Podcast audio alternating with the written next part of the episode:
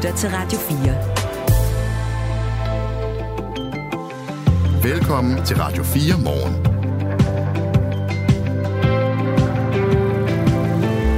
Det bliver slemt i dag, men det var meget værre i gamle dage. Henrik Jul minder om, at der var en vandstand 6 meter over normal i Ribe, altså ved vestkysten, i 1634. Øh, det hed også den anden store manddrukning, og var en skrækkelig begivenhed. Det springer Henrik ind, fordi vi var en tur i historiebø- historiebøgerne før nyhederne. Nu er vi også en tur i aktualitetskataloget, og vi kommer til at kigge nærmere på nogle af de steder, der bliver hårdt ramt af det meget høje vand i løbet af det kommende døgn. Men der er faktisk også nogen, der glæder sig over alt det her øh, urolige vejr. Øh, lad os lige prøve at høre en lille lydbid her, Kasper. Mm. Yes! Okay, det bliver godt det her! Er det en surfer? Det er en surfer, det er lige nøjagtigt, hvad det er. Det er ballehage øh, fra i torsdags, hvor der blev surfet i blæsværet af mange, mange, mange surfer, også fra Aarhus. Øh, og det er jo stormvejr, øh, det er jo kun blæst, det blæser jo kun mere nu, end det gjorde der. Øh, udsigten til den her voldsomme øh, stormflod er altså noget, som mange frygter, men for der er altså også nogen, der simpelthen glæder sig, og det er de her surfer. Og klokken 20 minutter over 8 snakker vi med en flok surfbumser, som man åbenbart kalder det, som er på vej ud på den jyske østkyst på jagt efter de her store bølger og vind i håret. Jeg skal vide, hvorfor i alverden. De skal jeg godt forstå, at det er sjovt, men det må med også være farligt, tænker jeg. Vandet er i hvert fald ikke noget problem, når man befinder sig på oversiden af det. Det er så bare ikke alle husene, der kommer til at gøre det, når det her vand først er slået ind. Klokken er 6 minutter over 8. Det her er Radio 4 Morgen med Mette Vib Utzon og Kasper Rabo. Godmorgen. Det her er Radio 4 Morgen. Lad os lige tage en tur til øh, Forborg, fordi der er udstedt varsel om det, der hedder meget farligt vejr med forhøjet vandstand. Det rammer de sydlige og østvendte danske kyster i dag og i morgen. Og det kan altså som sagt give en, en stormflod, der bliver ret slem. Vandstanden er lige nu 124 cm over normalen i Forborg. Line Klivager, indehaver af Forborg Røgeri Café. Vi talte med dig i går, hvor du begyndte at gøre dig klar til det her. Nu er den der. Hvordan går det, Line? Jamen, øh, det, går, øh, det går egentlig som, øh, som planmæssigt. Øh, vi har fået sat vores øh, mobile dæmning op, og øh, er egentlig øh, mere eller mindre klar til, at, øh, at det går los her i eftermiddag og, og i aften. Er du ved caféen nu, eller er du rykket længere ind i landet? Nej, vi, øh, vi er stadigvæk nede på caféen, og, og det vil vi være ja, lige indtil det, det er overstået en gang lørdag eftermiddag. Men, men hvordan kan de egentlig det, Live? Fordi, øh, Line? Fordi i går fortalte du jo om, hvor, hvor langt ude den her café faktisk ligger i, i går morges. For beskrev du ligesom, at den ligger helt ude på molen, som jeg forstår det. Ikke? Så er I ikke nervøse for selv at opholde jer derude? Nej, det, det synes jeg ikke, at vi er. Øhm, efterhånden har vi prøvet øh, det her en, en del gange før, og, øh, og vi skulle jo gerne kunne gå øh, tørskoet stadigvæk ind i caféen, så øh, vi, øh, vi tænder op i, øh, i brændeovnen her, når, hvis, øh, hvis nu er strømmen går hernede på, på havnen i aften, så, øh, så har vi stadigvæk sådan, så vi kan få varmen og en, øh, en kop kaffe og varme os på øh, mm. i de sene nattetimer. Men, øh, men bekymret for at være hernede, det, det er jeg slet ikke. Øh, vi skal holde øje med det hele, og vi skal styre og pumpe og så videre. Det er godt, der er nogen, der har is i maven. Øh, isen ned i maven og op ad drinken, eller hvad man siger. Line, det er jo altså en situation, som der er sådan en underlig breaking stemning omkring det her, samtidig med, at det ikke rigtig er kommet endnu. Vil du ikke lige fortælle, hvad du sådan har, har set, sådan, eller kan se, øh, i forhold til den der stigende vandstand? Jamen altså, øh, sådan som det ser ud på vores lille havn nu her, der er øh, alle brugerne, øh, vi ligger jo midt i en, en løsbådhavn, i en gammel fiskerihavn, og alle skibene er fortøjet, men brugerne de er, de er under vand. Øhm, og lige nu der er der cirka 20 cm fra min bygning, og så ud til, hvor vandet vi havde været, hvis vi ikke havde gjort noget. Øhm, så øh, så det, det ville være begyndt at blive øh, sådan lidt, øh, lidt kritisk nu, hvis vi ikke havde øh, sat vores stemning op. Men, øh, men rundt omkring i byen, der kan jeg se, der, øh, der er der stadigvæk folk, der kører med sandstikke rundt omkring og prøver at sikre sine haver. Og, ja, det, det er lidt, øh, lidt kaotisk, men jeg synes, at det virker så, at beredskabet har styr på det over på den anden side i hvert fald de her lystbåde, der ligger for tøjet, altså jeg kan forestille mig, at ejerne også har haft travlt med at gøre klar. Hvad har du lagt mærke til der? Jamen, øh, altså alle har jo været ude og tilse deres både og så videre, og altså hvis nogen er på ferie, så, øh, så synes jeg, de er gode til at hjælpe hinanden med, at, at naboen kommer ned og kigger i stedet for, eller et eller andet. Så øh, jeg tror umiddelbart, at der er OK styr på det, men, men altså alt kan ske. Og man kan sige, når, øh, når vinden den tager til i aften, og det måske bliver sådan lidt orkanstød i det, så, så bliver alting lige lidt mere spændende. Ja, det må du nok sige. Altså de der både der, er der styr på dem, når, når først broerne de ligger under vand? Ved du det? Mm, det håber jeg, for ellers så, øh, så kan de jo sejle lige ind i, ind i mit lille hus her. Øhm, så det håber jeg helt sikkert, der er. Der er både store og små øh, både i, i havnen her. Øhm, så jeg håber, at de har, de har styr på deres. Helt sikkert. Jeg taler med Line Kleveager, der indehaver af Forborg Røgeri Café. Det plejer jo at være her omkring nu, at I lukker sæsonen ned, med forhåbentlig ved at sælge de, de sidste makrel og fiskefrikadeller og, og hvad der er. Øh, har I stadig åbent i caféen? Jamen, vi har, vi havde faktisk åbent i går øh, indtil klokken 3. Øh, normalvis så ville vi ellers have haft åbent indtil klokken 5, men vi, øh, vi valgte at lukke i går klokken 3, og så kunne vi så gå i gang med vores, øh, vores stemning her. Øh, det er ellers sidste øh, weekend, at vi har åbent nu her, øh, så på søndag, så skulle det egentlig have været vores sidste dag, åbningsdag. Og øh, jeg satser lidt på, at vi faktisk kan holde os tørskoet herinde, og hvis alt går vel, så, øh, så håber vi, at vi kan holde øh, åben på øh, søndag, og så sige ordentligt tak for i år, og øh, på gensyn til næste påske, ligesom vi plejer. Ved du hvad, det er altså også en meget god måde at, at mødes efter katastrofen på, sådan over et stykke smørbrød. Jeg håber, det går godt øh, hos jer. Helt bestemt, det er det. Vi krydser, hvad vi kan. Der vi kan ikke gøre så meget andet nu. Nej, tak fordi vi måtte ringe til dig, Line Kliver. Selv tak. Og held og lykke. Ja, held og lykke. Ja. Det er jo altså Forborg i det sydfynske, vi er omkring der. Den lille røgeri café, som øh, ligger der helt ude på målen, hvor broerne altså nu står under vand. Vi følger stormflodens udvikling i den kommende tid her på Radio 4. Øhm, også fra dem, der synes, det er fedt med ekstra meget vand og ekstra meget vind. Dem skal vi høre fra om 10 minutters tid. Klokken er 11 minutter over 8. Du lytter til Radio 4. Og mens øh, hele verdens øjne er rettet mod Gazastriben, øh, Israel-Palæstina-konflikten, så raser krigen i Ukraine jo altså stadigvæk krigen mod Rusland. Og det fik den amerikanske præsident Joe Biden til i nat at spørge kongressen om lov til at bruge 100 milliarder dollar på de her to konflikter. Han kædede de to konflikter sammen med, øh, med amerikansk sikkerhed. Øh, og Ukraine har, hvad kan man sige, ikke, jeg ved ikke om de lige de steder har øh, benyttet øh, øh, den her opmærksomhed mod Israel-Palæstina-konflikten, øh, men i hvert fald har de undervejs øh, iværksat et af de mest voldsomme angreb overhovedet siden krigens start. Godmorgen og velkommen til, øh, til programmet Esben Perling Larsen. Godmorgen.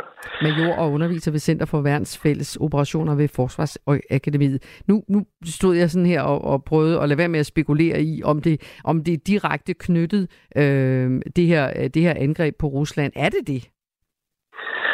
Øh, jeg tror, at Ukraine er en situation, hvor de ikke sådan spekulerer i at lave særlige angreb. Øh, jeg tror, de spekulerer i at få den offensiv og de, den generelle kampagne, de har gang i, til at lykkes. Men, ja, men, men omvendt så er det oplagt, at øh, eftersom opmærksomheden nu retter sig et andet sted, har de også et behov for at vise, at der foregår noget, som øh, er berettiget til vestens støtte. Mm. Så de, de, de, de skal ikke glemmes, kan man sige det sådan, i verdens øh, offentligheden?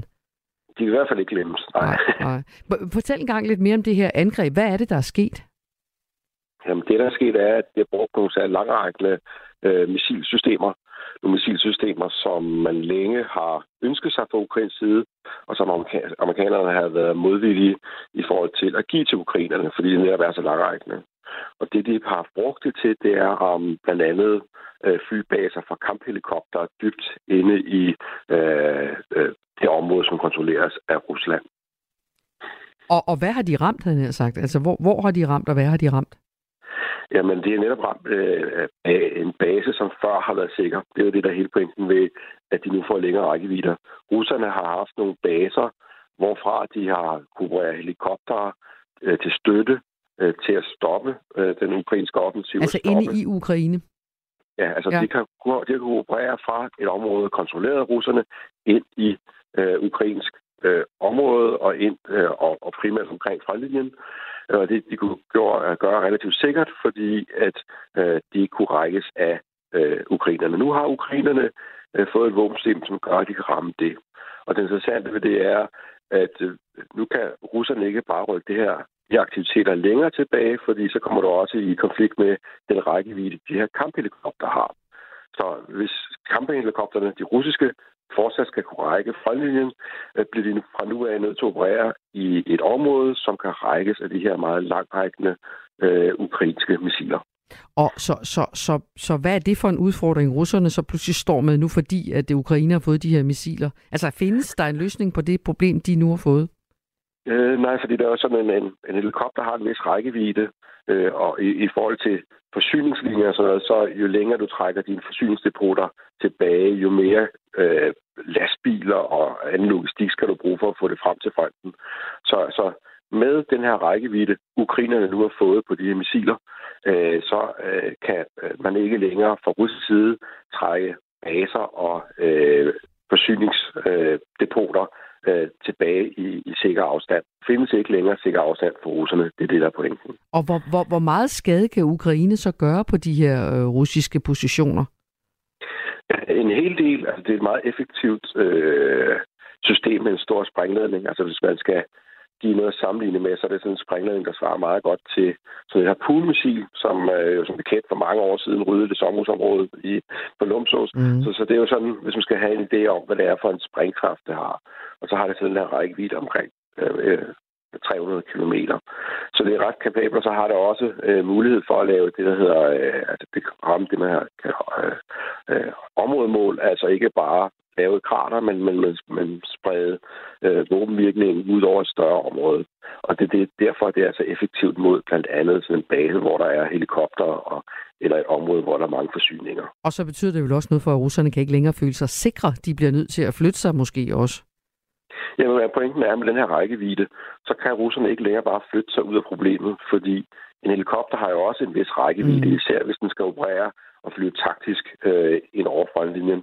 Øh, så så øh, det, øh, her våbensystem gør for ukrainerne er, at russerne kan ikke længere flytte til helikopter i sikkerhed, fordi så kan helikopterne ikke have rækkevidde nok til at kunne kæmpe ind omkring frontlinjen. Så de er simpelthen nødt til at trække sig baglæns. Kan man også forestille sig, tror du, at, øh, at ukrainerne vil bruge de her nye missiler med den her lange rækkevidde op mod 300 km, som jeg forstår det, til at simpelthen at ramme mål inde i Rusland? Det kan ved tiden selvfølgelig vise, men, men jeg tror, at de er kommet, selvom der ikke har været noget offentligt omkring det, så vil et kvalificeret gæt være, amerikanerne har sagt, at det her skal ikke bruges ind i Rusland, fordi vi har set, når ukrainerne har lavet angreb inde på russisk territorium, har de typisk anvendt øh, egne helikopter eller øh, deres egne producerede droner. Øh, det, der er interessant ved det her, det er, ramt i, det er ramt ind i øh, russisk kontrollerede dele af det, som egentlig er øh, ukrainsk territorie. Så der kan godt være, at de er kommet med nogle bindinger, øh, der heller ikke... Og det, der også vil være begrænsning, er, at der er også et begrænset antal øh, at de her, det, her, det her er ikke et våbensystem, som er produceret i tusindvis. Det er altså, så selvom de kan få adgang til amerikanske lager, så er det altså stadigvæk en begrænset ressource. Så antallet spiller en rolle, og det, at de, der står Made in America, han har sagt, eller hvor de nu er lavet, de er i hvert fald øh, doneret fra amerikansk side, gør også en, øh, sætter også en, en, en grænse for, hvordan de kan bruge dem. Det er i hvert fald det mønster, vi har set før. Ja. Mm. Tak skal du have, Esben Salling Larsen. Det var så lidt. Major og underviser ved Center for Værnsfælles Operationer ved Forsvarsakademiet. Du lytter til Radio 4. Måske fordi du er en af dem, der rent faktisk har lyst til at høre noget nyt. Radio 4. Ikke så forudsigeligt.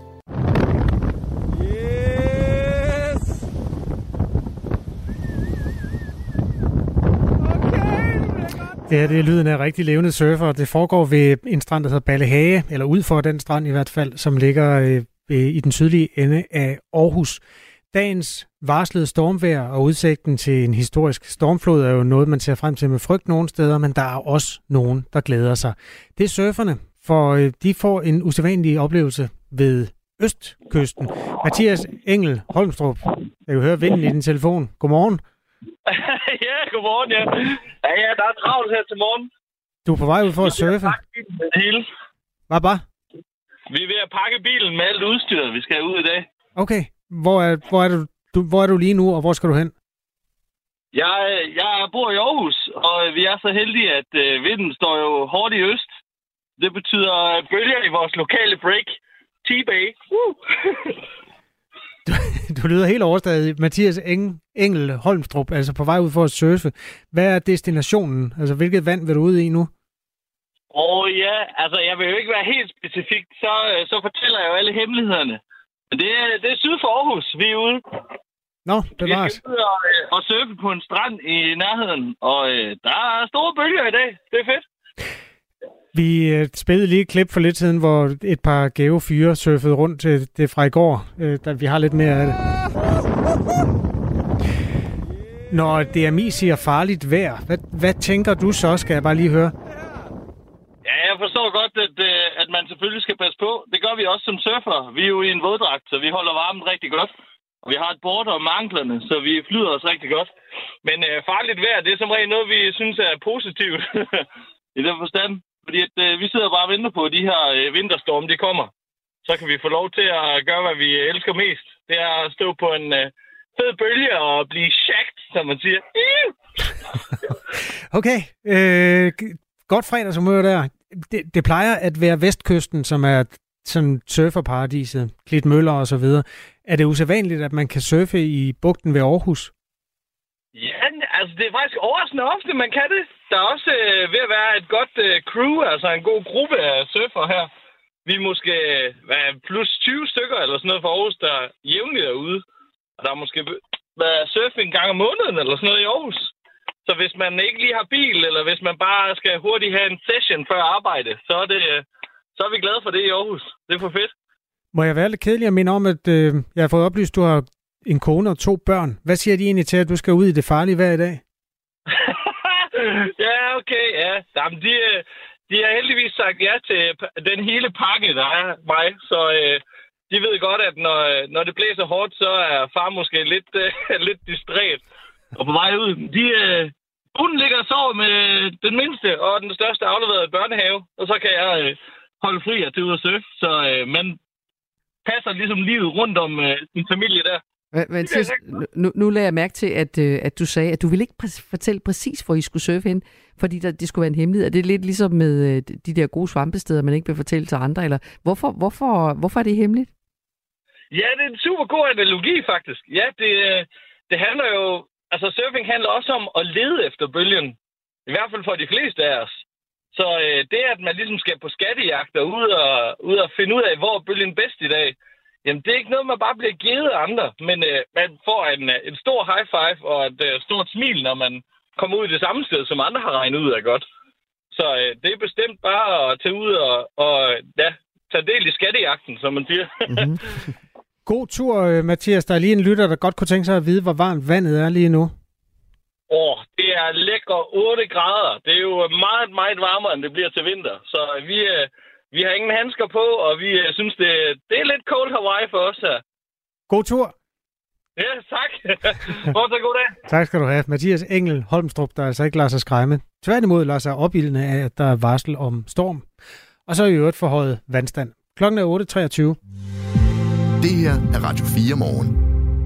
Og mens der er store bølger og oversvømmelser og højt humør, kunne man også høre i øh, den her bil på vej ud øh, til surfeområderne på Danmarks østkyst, så ser det helt, helt anderledes ud på vestkysten. For mens vinden trækker vandet ind over land på den ene side af Danmark, så skubber den samme vind, eller blæst, eller hvad det nu er, øh, hvad man må kalde den, storm. Måske bliver det til en storm. Det, det er lidt forskelligt øh, afhængig af, hvor man øh, orienterer sig hen, hvad det er, og hvad det kan udvikle sig til. Men den her vind, den skubber i hvert fald vandet væk fra den anden side. Og det resulterer så i ekstrem lavvande. Faktisk kalder DMI det for historisk lavvandet. Godmorgen og velkommen Michael Madsen.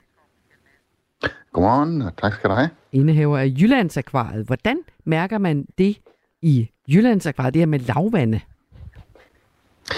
Det, er jo, øh, det er jo ret usædvanligt, sådan som, øh, som det hele det øh, lige ser ud nu her i de her dage, fordi vi er jo vant til, at det er højvand, og det er det, vi skal forholde os til. Men nu, nu, nu har vandet trukket sig, og vi har faktisk haft både i går, og det bliver især i dag, så rigtig meget lavvand, og det betyder, alle de her ting, som normalt befinder sig inde på, på et lavt vand, når vi er, ude på tur, jamen flere af de steder, jamen, der er der faktisk helt, helt tørt nu.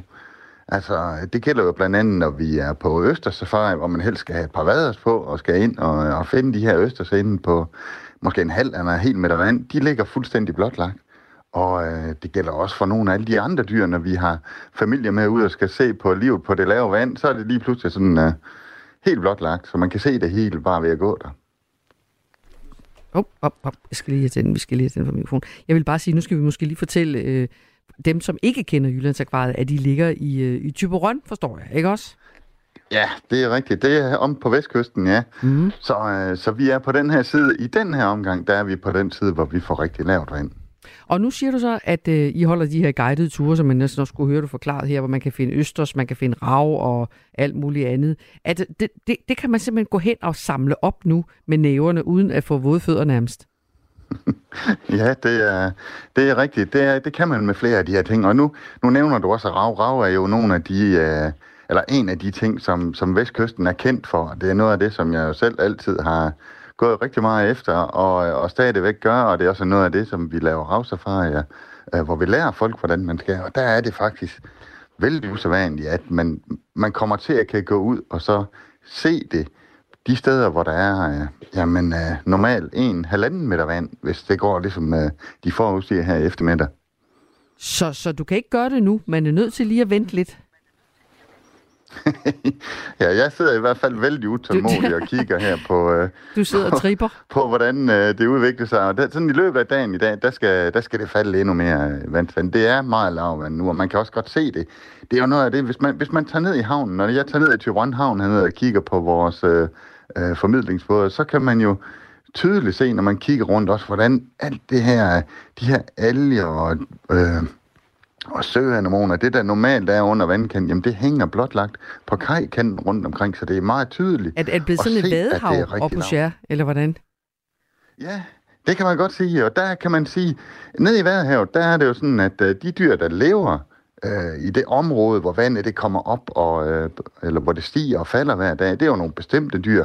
Men de dyr, der bliver blotlagt nu her, jamen det er ikke nogen, der sådan er vant til og skal være ovenvandende. Så, øh, og søanemoner for eksempel, de skal helst være under vand, men de kan ikke flygte fra, øh, fra det sted, hvor det er. De kan ikke bevæge sig der, hvor de sidder. Så vi får chancen for at komme ud og se en hel masse spændende ting sådan, øh, over vandlinjen i dag. Men, men samtidig er det vel en skidt situation for alle dem, som ikke kan tåle at, at være oppe i øh, fri luft, havde sagt. Ja, det er rigtigt. Der, der kan være nogen, som slet ikke kan tåle det, men de fleste af de her dyr, de er egentlig forberedt på, at det kunne godt være, at man sådan lige skal kunne være i luften et stykke tid, og så kan man kaple sig ind. Øh, og fiskene, de svømmer selvfølgelig bare ud på, øh, på et lidt dybere vand, men de kan så godt gå hen og blive fanget i nogle små indsøer rundt omkring, øh, når vi kommer ind i fjorden. Her, vi ligger jo lige ved øh, udløbet af Limfjorden, altså i den vestlige Limfjord.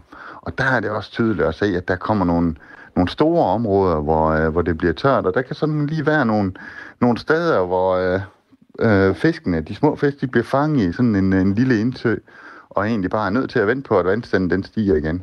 Og, og det er jo også spændende. Det er jo rigtig spændende grund at kigge på. Mm.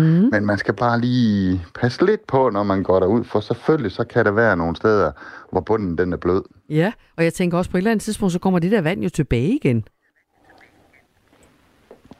Det er jo sådan, det er, ja. Altså, øh, man kan vel ikke heldigvis... bare vandre frit rundt derude, fordi pludselig på et eller andet tidspunkt, så, så, stopper, øh, så stopper blisten, og så kommer vandet væltende tilbage igen, eller hvordan? Og så kommer vandet igen.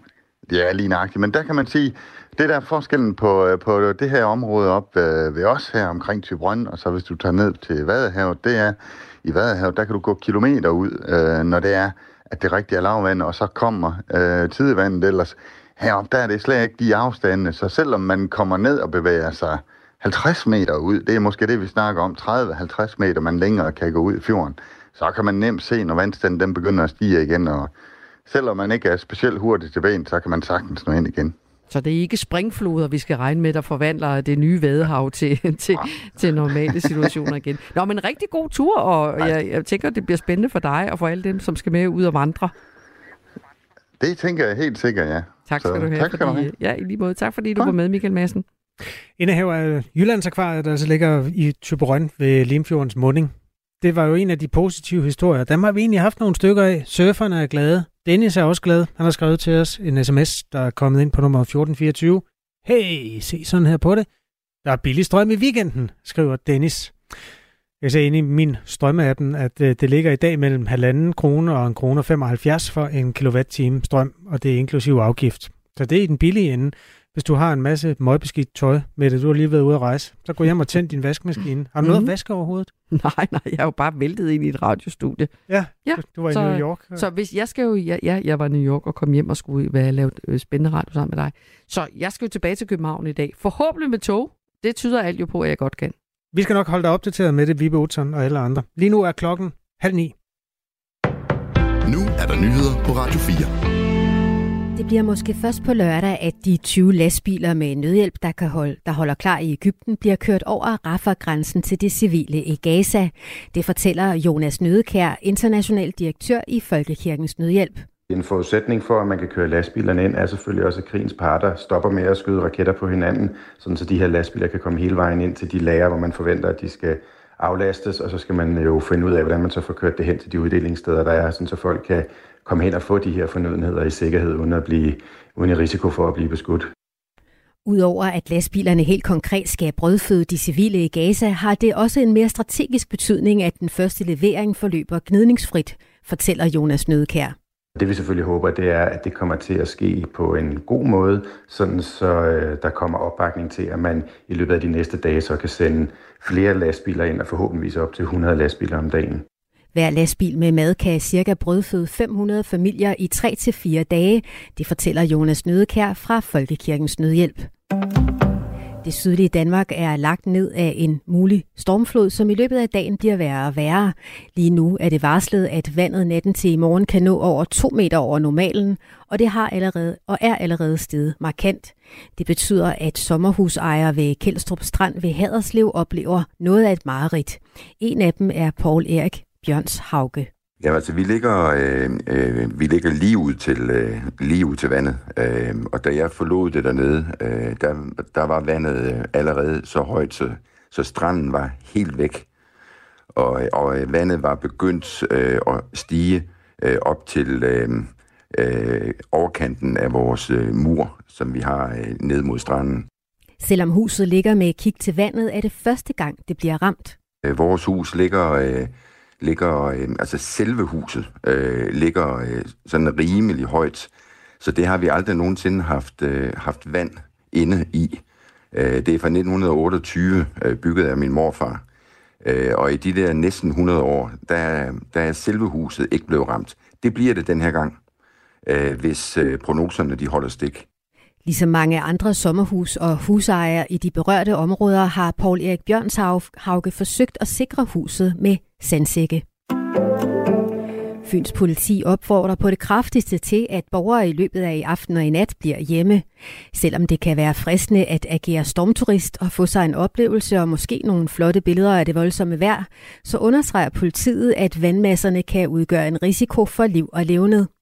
Det er umådeligt farligt at færdes i vandmasser, som er trukket op fra hav og kyst mod byer og land, da man aldrig helt ved, hvad der er nedenunder, skriver politikredsen på det sociale medie X.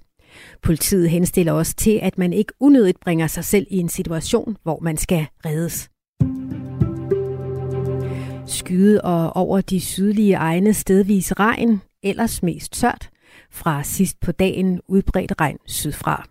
Temperaturer mellem 5 og 10 grader. Hård vind til kuling med kraftige vindstød, stedvis op til stormstyrke, kraftigst over den sydlige del af landet. Nu er der nyheder.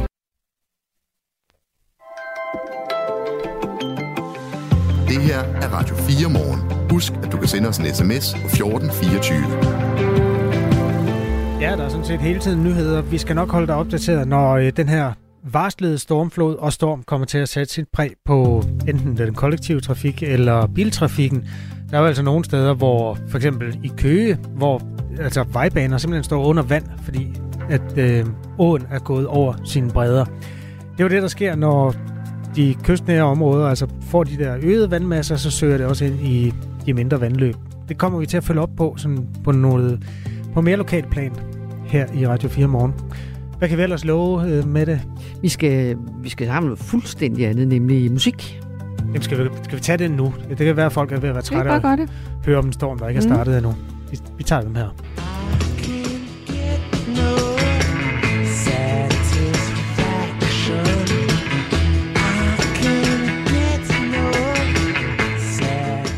Det er et af de velprøvede numre fra Rolling Stones, men øh, i dag sker der noget nyt. For første gang i 18 år har Rolling Stones simpelthen udgivet et nyt album. Det hedder Hackney Diamonds, og det er en kæmpe dag, hvis man er Rolling Stones-fan. Og det er Finn Nielsen, der har reoler fyldt med Rolling Stones, og er med os nu. Godmorgen. Godmorgen. Og glædelig øh, Stones-dag. ja, hvad hedder det så? ja. Har du ventet længe på det her? Ja, jo, det har jeg. Den er, jeg har modtaget den her i, uh, i nat, ti, eller tidlig morgen. Så jeg har, uh, jeg har lyttet til den. Fik du den digitalt, eller hvordan? Hvad siger du? Var det et fysisk album, du fik, eller var det sådan det digitale album, du fik? Det var et fysisk album, ja. Okay. Er du pladespillermand? Ja, det er, jeg, jeg synes, den er, den er meget god. Men jeg har selvfølgelig nogle favoritter, så... Øh, jeg fandt, altså jeg har ikke noget at høre det der album. Jeg gik ind på YouTube-kanalen, som tilhører Rolling Stones, så bare for at ja, se, hvilket okay. nummer de har promoveret mest. Det er et nummer, der hedder Sweet. Det lyder altså meget fedt.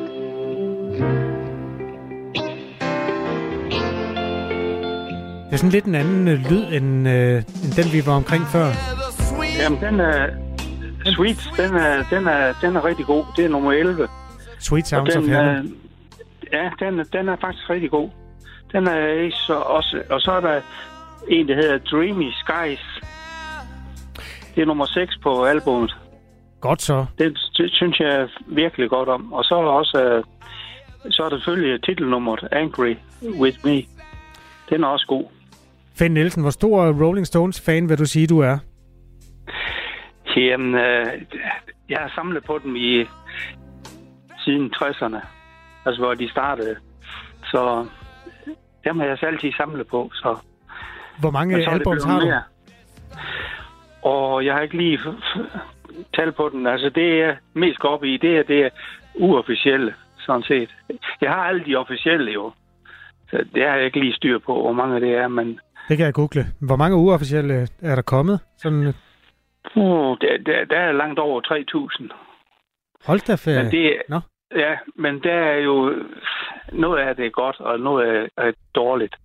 Så, men, men jeg har da i hvert fald uh, reolen bag ved og der har vi over 600. Så, og de er, det er fantastisk. Det er det bedste af det bedste. Og nogle af dem er, det er, de er kanon. De er faktisk, nogle af dem er bedre end den officielle.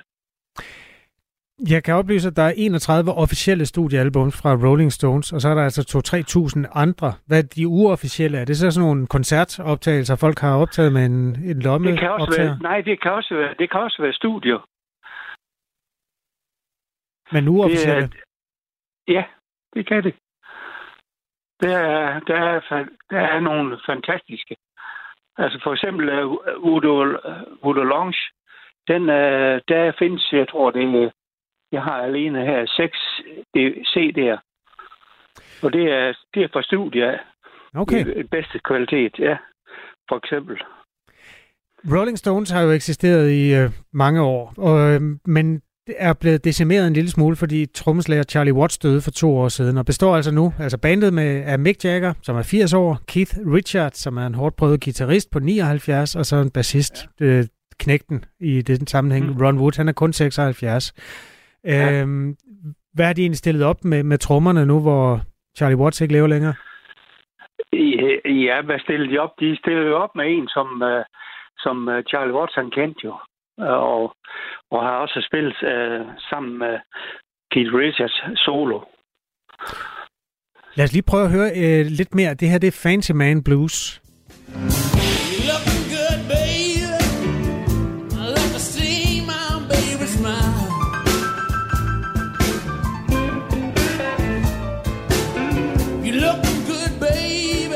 Det er altså Finn Nielsen med i anledning af, at der kommer et nyt uh, Rolling Stones album. Altså, hvad, hvad, er, øh, hvad er der egentlig sket med lyden hen over årene? Nu hørte vi den der hårdt pumpede øh, Satisfaction for lidt siden, og, og kan høre, at ja, de bevæger sig. Jamen altså... Øh, der er nogle fantastisk gode på også. Altså, Keith, han, øh, det er nok han er nok det en af de bedste. Øh, fordi han, han laver nogle fantastiske melodier i min øh, optik. Øhm, det er Rolling... Nå, har du noget med Jamen, jeg stod bare og tænker på, om du nogensinde har oplevet dem live. Altså, har du været til koncerter med dem også? Ja, det har jeg. Altså, den første koncert, det var jo i, i marts i, på, i Fyns Forum. I 26. marts 65. 65 år. Jeg, jeg stod og ventede på årstallet, ja. Det er, nogle, det er alligevel nogle sommer siden. Det var, det var, ja, ja, men det var, det var den første optræden fra Stones af. Mm-hmm. Og det var, det var fantastisk også. Men altså, det var, der skreg de jo til publikum. Der, det, det var, man kunne ikke høre ret meget. og, og, og hvor mange koncerter har du så oplevet? Og jeg har oplevet, uh, ja, hvad har jeg oplevet? Uh, Slag på tasken. Ja, seks stykker eller sådan noget. Mm. Altså, jeg er ikke så vild med de der store stadions. Men altså, noget af det bedste, jeg har set, det er, det er i parken. Altså, der, det er fantastisk. Der i 2003, tror jeg det var, der, var, der havde vi en virkelig god plads. Men Finn Nielsen er måske Danmarks største Rolling Stones-fan, og har i hvert fald en af de største samlinger. Og tillykke med det nye eksemplar så, Finn. Jo, tak. Og have en god dag i selskab med den nye plade. Vi kan lige, bare lige smage på nummeret Angry.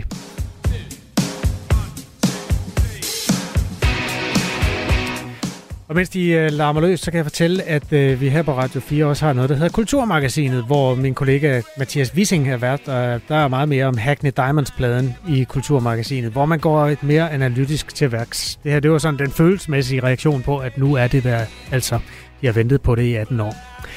Klokken er 8.41. Godmorgen.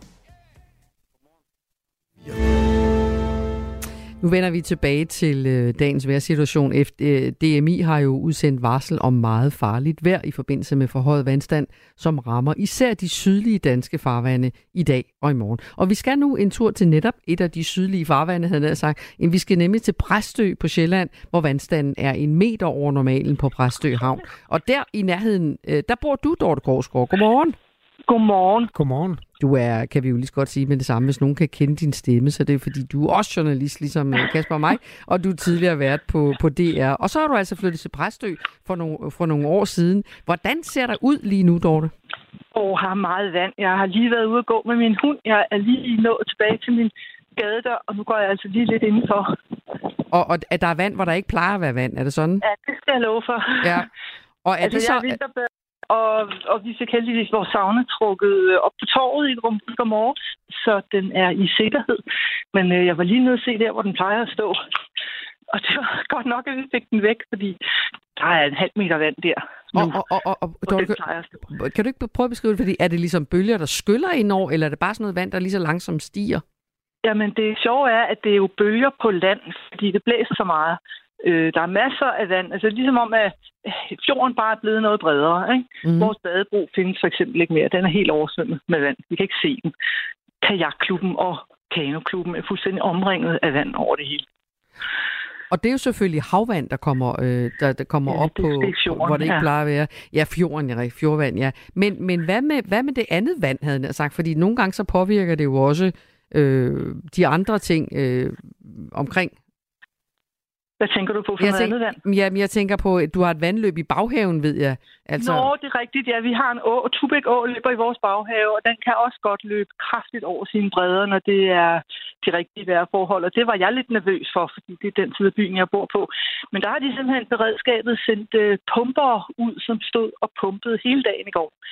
Uh, vand fra åen ud i fjorden, så den ikke skulle øh, brede sig alt for meget. Der ligger blandt andet en lille spejderhytte ved den å der, å der, som nogle gange kan komme til at, at ligge i vand. Og det har de altså formået at, at holde så meget nede, så oversvømmelserne er sådan nogenlunde begrænset omkring åen der.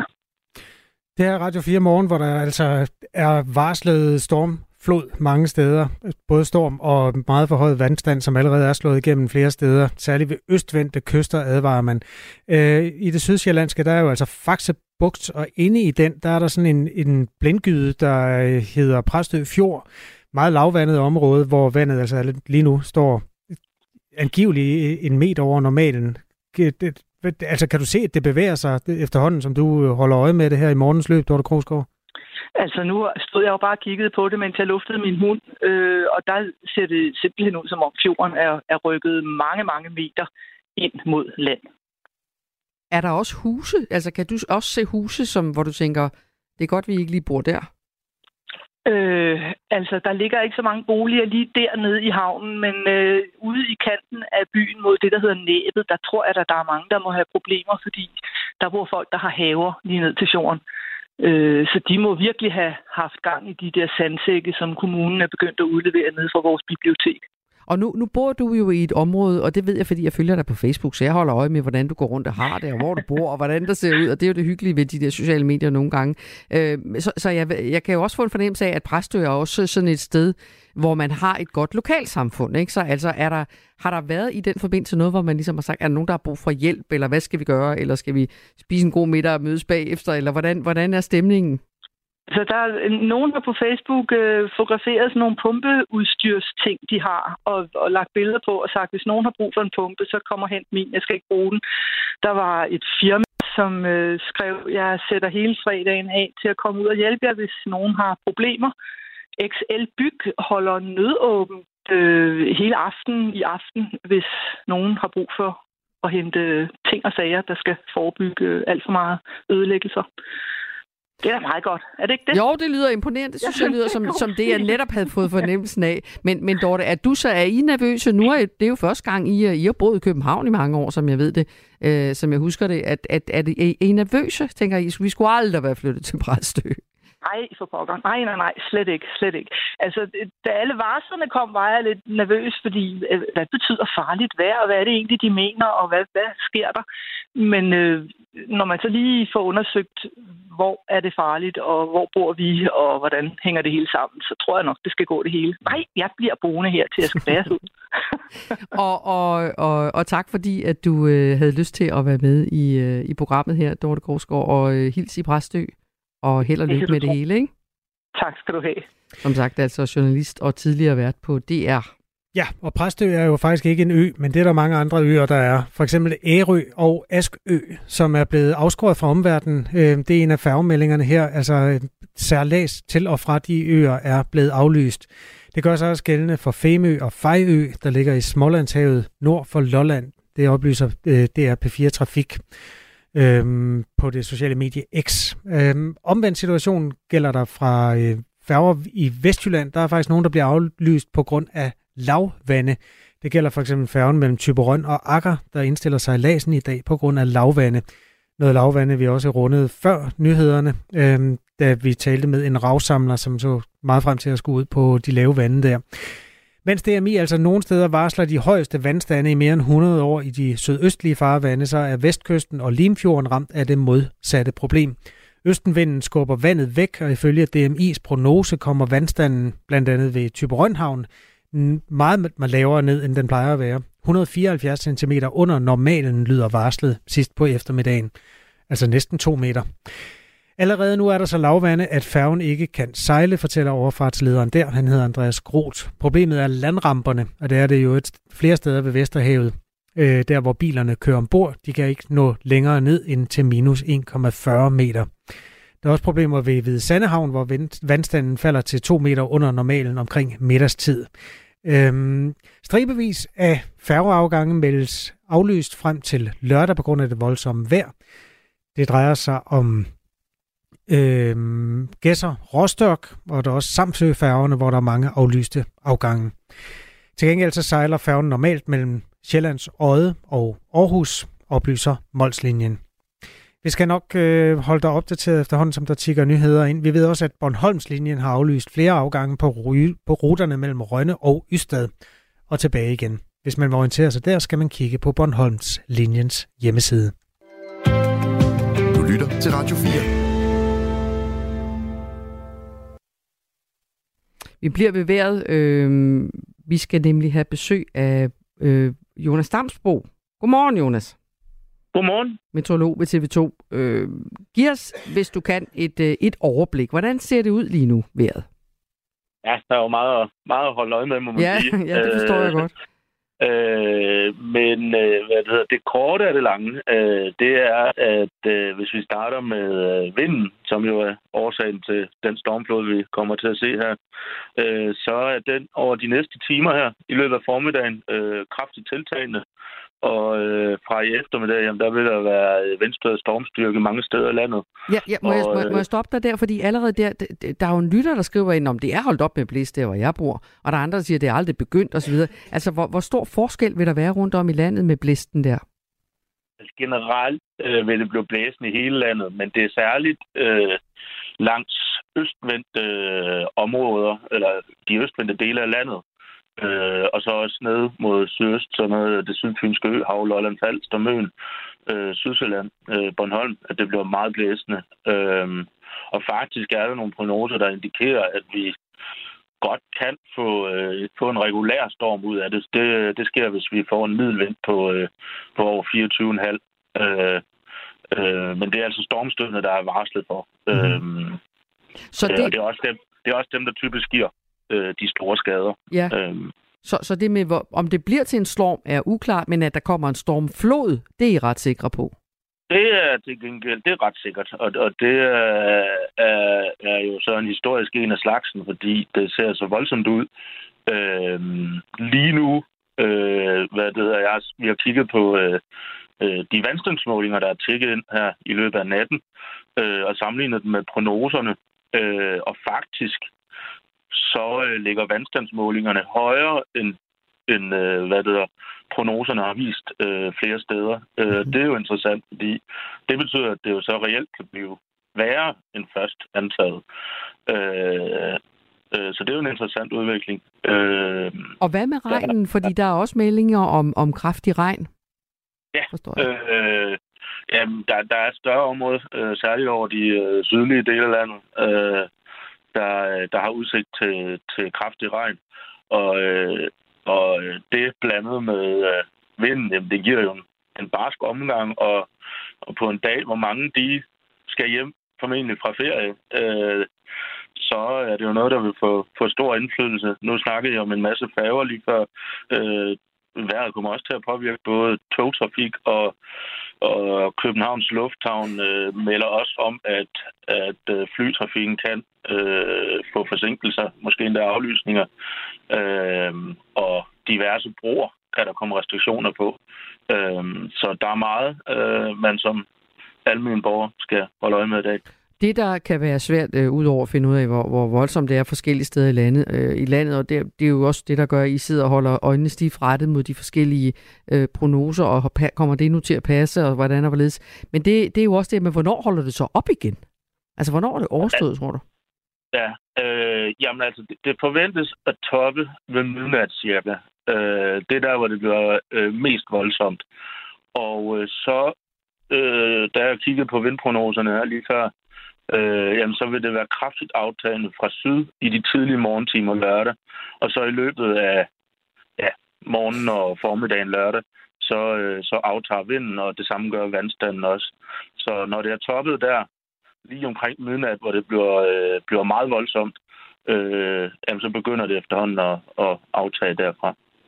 Øh, så vil, mit bud er sådan fra klokken 3-4 stykker i nat, øh, øh, vil vi se, at det begynder at aftage.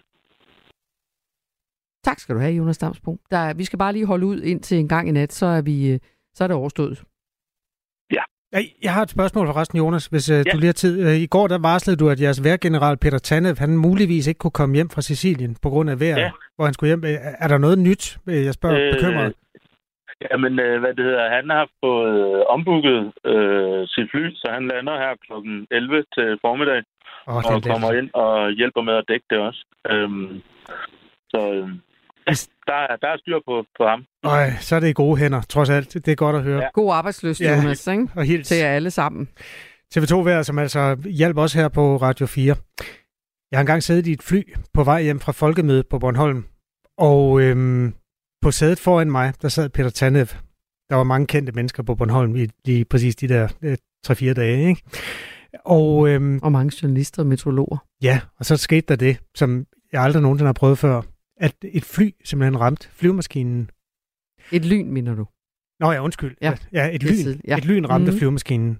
Og det var meget sådan dramatisk. Altså hele kabinen blev ligesom lyst op. Det var højlys dag, men man fik ligesom det der glimt.